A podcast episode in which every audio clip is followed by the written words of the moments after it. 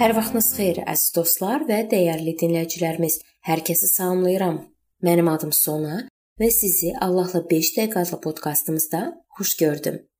Dünən biz əhdə sadiq qalaraq mövzusunu araşdırırdıq və Nuh və Yaqub haqqında danışdıq.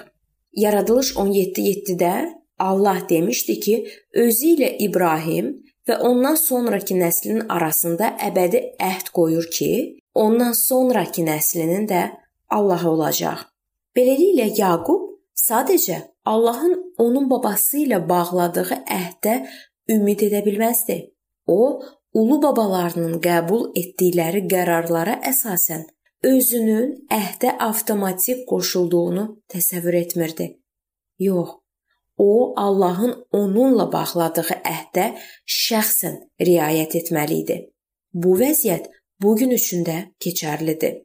Vaxt keçdi, Yaqub evləndi və onun uşaqları doğuldu. Onun var dövləti daim artmağa başladı. Yaqubun Allahla əhdini nə qədər tez-tez xatırladığı bizə məlum deyil. Amma elə bir an gəlib çatdı ki, Allah Yaquba dedi: "Mən Beteldə sənə görünən Allaham. Orada bir sütun qoyub məhs etdin və mənim önümdə əhd etdin. İndi qalxıb bu torpaqdan get və doğulduğun torpağa qayıt. Bir müddət sonra Allah yenidən ona müraciət etdi. Qalxıb Bet elə get. Allah aydın şəkildə Yaqubu onunla bağladığı əhdə, yəni geriyə, özünü Allaha həsr etməyə qayıtmağa çağırır. Amma bunu etməzdən əvvəl Allahla Yaqub arasındakı qalan bəzi mürəkkəb məsələlər həllini tapmalı idi. Yaqubun geriyə Betelə səfəri zamanı mütləq qarşılaşacağı Esav və Lavanla münasibəti pis idi. Onun evindən yad allahlar yığışdırılmalı idi.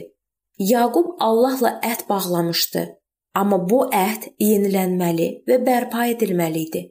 Yaqub evin başçısı kimi özü və ailəsi üçün Allahla əhdinin bərpası məsuliyyətini öz üzərinə götürdü. Qardaşı Esavla münasibətini bərpa edərkən ilk olaraq qardaşının ayağına gedib ona təzim etdi.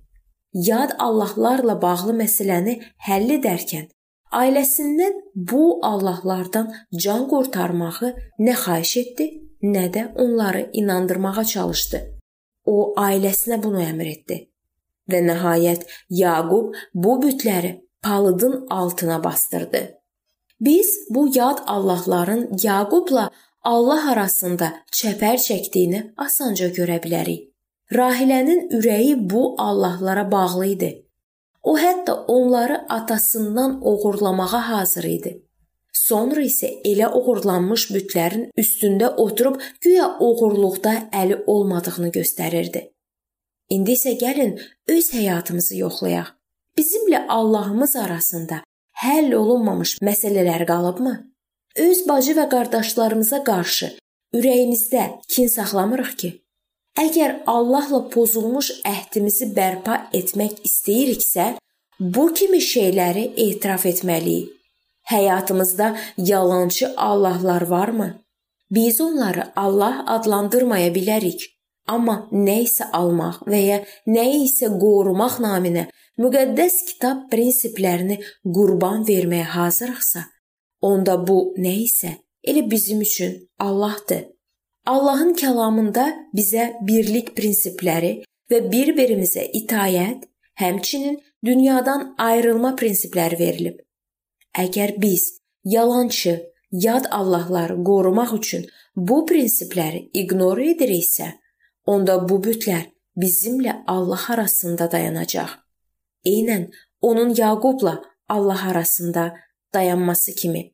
Gəlin Yeşua 24:15-də yazıldığı kimi biz də deyək: Mən və mənim evimdəkilər Rəbbə qulluq edəcək.